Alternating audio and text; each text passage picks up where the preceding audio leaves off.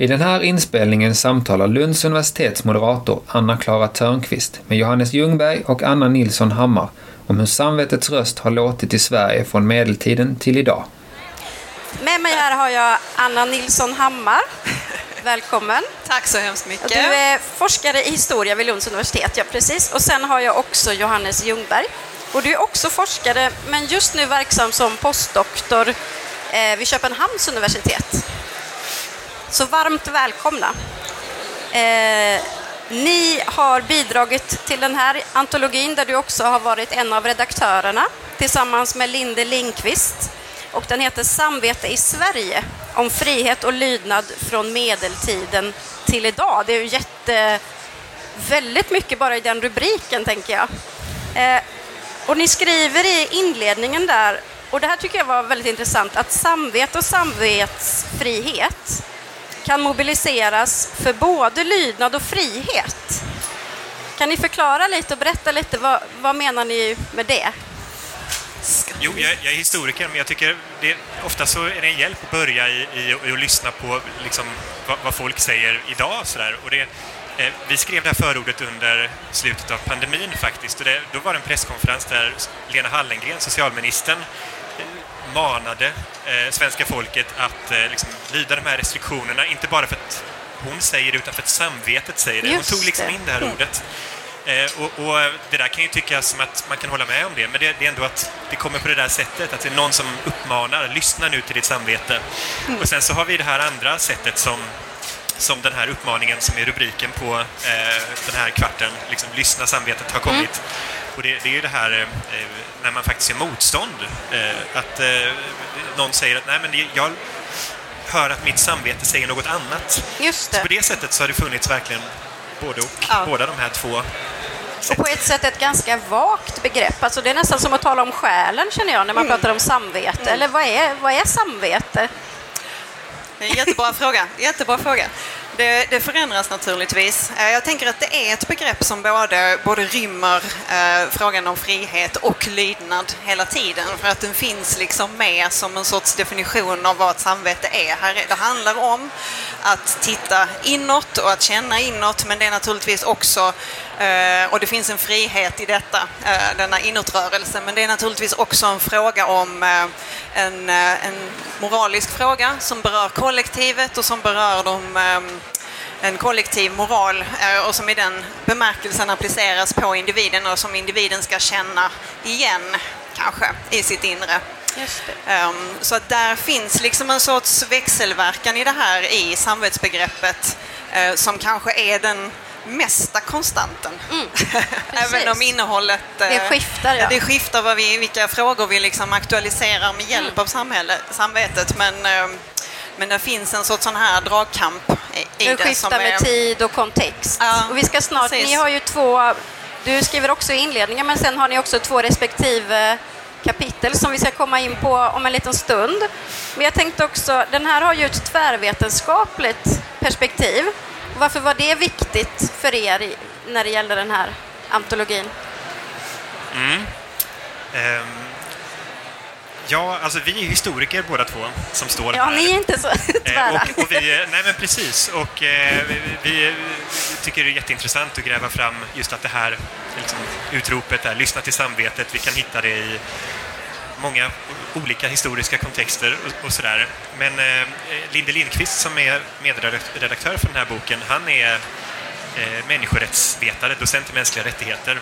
Och han tillförde liksom det här helt andra perspektivet att ja, men vi behöver ju ha jurister, vi behöver ha någon etiker och sådär. Så, så det, eh, det började med att vi eh, helt enkelt, alltså det är på Lunds universitet, vi, vi samlokaliserade humanister och vi började prata med varandra och såg att också när vi behandlar frågor som, som gäller samvete så kommer vi in på helt olika forskning. Precis. Helt olika definitioner, helt olika bilder av hur har den här frågan utvecklats? Det är verkligen den här bilden av att man flyttar sig i ett rum och mm. tittar på samma ting, men det ja. förändrar sig mm. beroende på hur man står. Mm.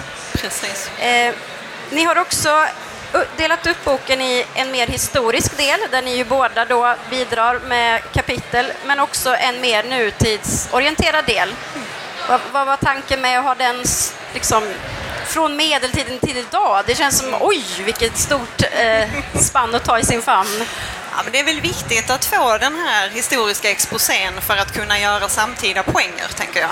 Eh, så i det här sammanhanget så finns det liksom en, en rörelse där vi behöver liksom ta in det medeltida samvetsbegreppet, hur det förändras med reformationen och hur det sen liksom återigen också omdefinieras eller eh, omvärderas under eh, upplysningstid och, och under 1800-talet. Så, så att där, där var ju en viktig historisk rörelse och teckna det ligger ju som en sorts grund för eh, samtidsförståelsen kan man väl säga. Mm. Ja, alltså, vi hade kunnat börja med Sokrates egentligen, när man gör Såklart. en historisk Det exposé. Sådär. Det kan man ju alltid. Men nu, nu har vi, valde vi den här rubriken Samvete i Sverige. Och, och då det. var vi inspirerade av det här att ja, men det här begreppet det kommer in i Sverige under medeltiden. Mm. Eh, och då har det en väldigt speciell betydelse. Alltså det är en del av eh, eh, egentligen eh, det som har att göra med bikten som utvecklas i kyrkan. Och så, där. så det är väldigt speciellt. Och sen så kan man följa det genom seklerna och se att ja, men, eh, det, vissa betydelser hänger kvar, men det kommer också nya betydelser. Ja. Eh, Så vi tyckte det var väldigt spännande när vi väl satte ner foten där. Ja, och spännande tänkte man inte på när man hörde det här samvetsordet i samband med pandemin. Tänkte man inte på hur, vilken spann hon eh, gick ner, liksom bredde sig i. Precis. Jag tänkte vi ska gå in i ditt bidrag först, Anna, för du ligger, om vi ska nu vara historiska så ligger du rent kronologiskt före eh, ditt, Johannes. Och det har en väldigt fin titel, tycker jag, med så här Ja. gammelsvensk stavning också. Dem samvetskval, dom till tröst Just det. med underrubriken Erik Mattsson och samvetets kunskapshistoria i det tidiga 1600-talets Sverige. Och då tänkte jag först, varifrån kommer... Det är ju ett citat som är titel. Citatet kommer ifrån eh, titeln på den lilla bok som han eh, faktiskt gav ut eh, 1638.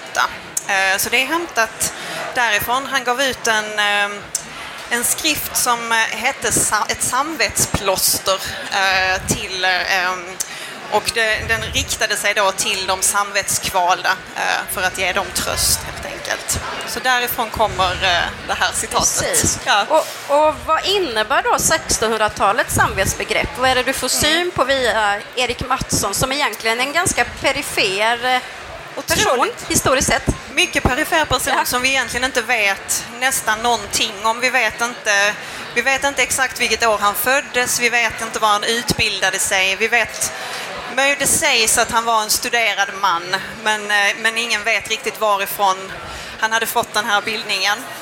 Eh, Så det jag tittar på är ju att eh, sammanhanget är ju så att säga att reformationen har ju liksom slått igenom och vi befinner oss i en tid där, eh, där samhället konfessionaliseras, där konfessionen, det lutherska och det protestantiska blir mycket blir viktigare.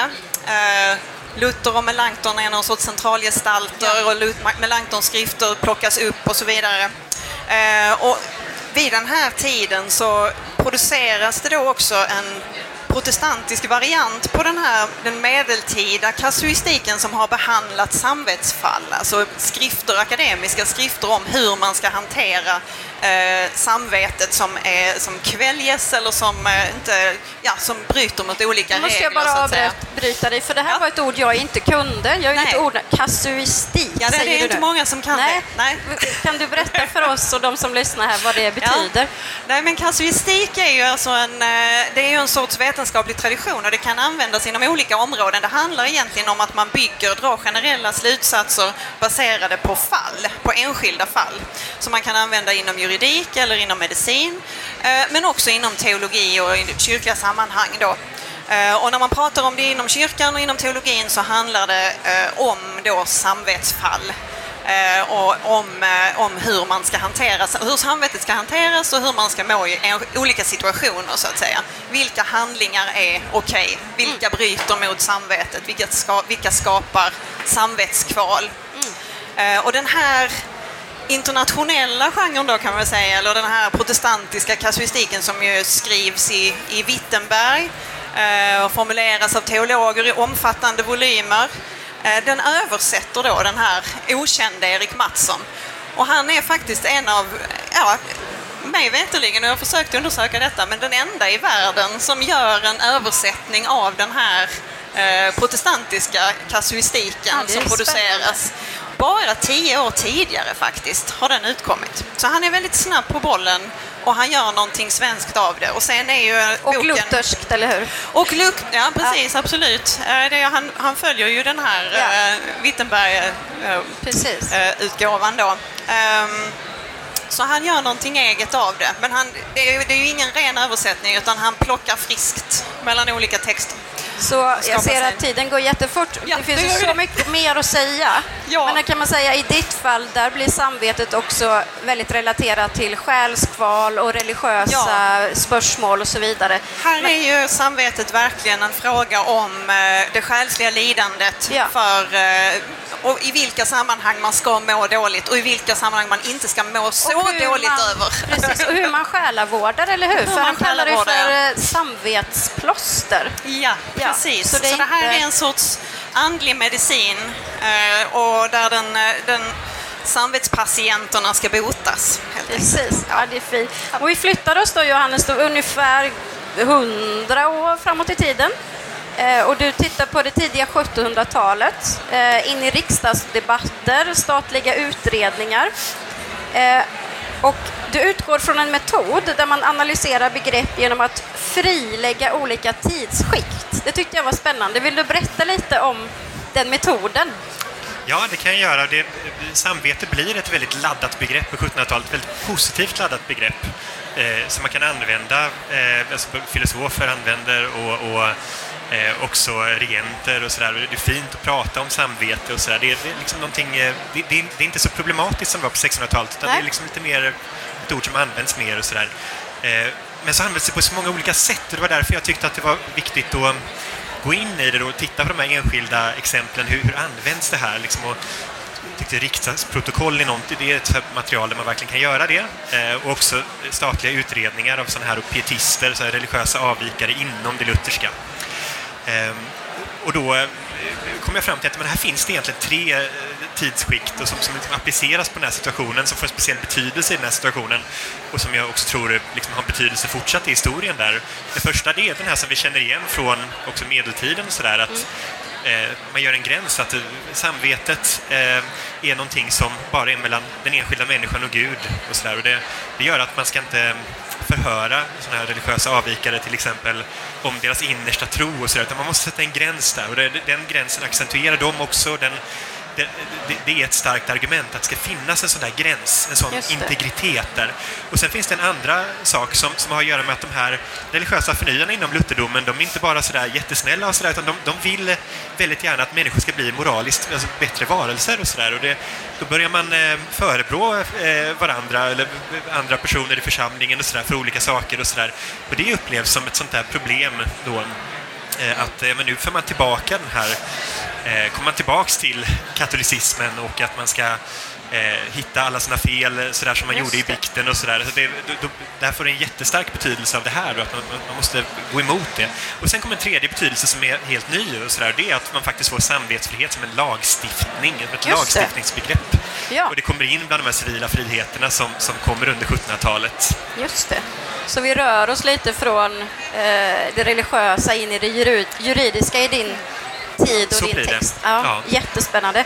Eh, de vinkar på mig och oss i montern här att tiden börjar rinna ut. Eh, vi hade kunnat prata jättemycket mer om det här. Boken kommer finnas till försäljning, tror jag, eh, om man vill fördjupa sig ytterligare. Men jag vill ställa en sista avrundande fråga också. För ni skriver en förhoppning är att boken kan ge nytt liv åt vårt moraliska, politiska och rättsliga tänkande. Tänker ni att den gör det? Går det att säga något jättekort kring det? Ja, om man läser den så... Ja, det korta svaret är ja, jag tror det. Har ni, vad har ni lärt er? Ja, nej men jag, jag tror... Alltså, jag kände till alltså, kanske två eller tre av de här samvetskonflikterna, av de elva samvetskonflikterna som vi behandlar i den här boken, eller tio, tio är det väl.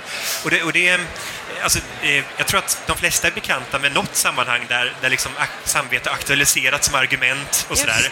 Men, men eh, som eh, en religionssociolog som bidragit till den här boken, Linnea Jensdotter, betonade sitt bidrag så blir ofta de här samvetskonflikterna så här starka. Det blir väldigt känsloladdade debatter och det handlar om ja eller nej till en specifik fråga och sådär. Precis. och där samvete är ju ett väldigt spännande begrepp just eftersom vi har använt det från medeltiden till idag ja. i många olika konflikter. Och därför tror jag att om man, om man då studerar fler av de här sammanhangen än vad man är bekant med från början, men då, då ökar man i bästa fall sitt eh, moraliska och politiska medvetande. Spännande. Det, det, jag kan också säga att ni ska ju förflytta till Forskartorget det ska vi. Eh, efter detta, så vill man fördjupa sig ytterligare kan man också gå dit. Stort tack eh, Anna och Johannes mm. eh, att ni pratade om boken Samvete i Sverige. Det var jättespännande att få prata med er. Stort tack.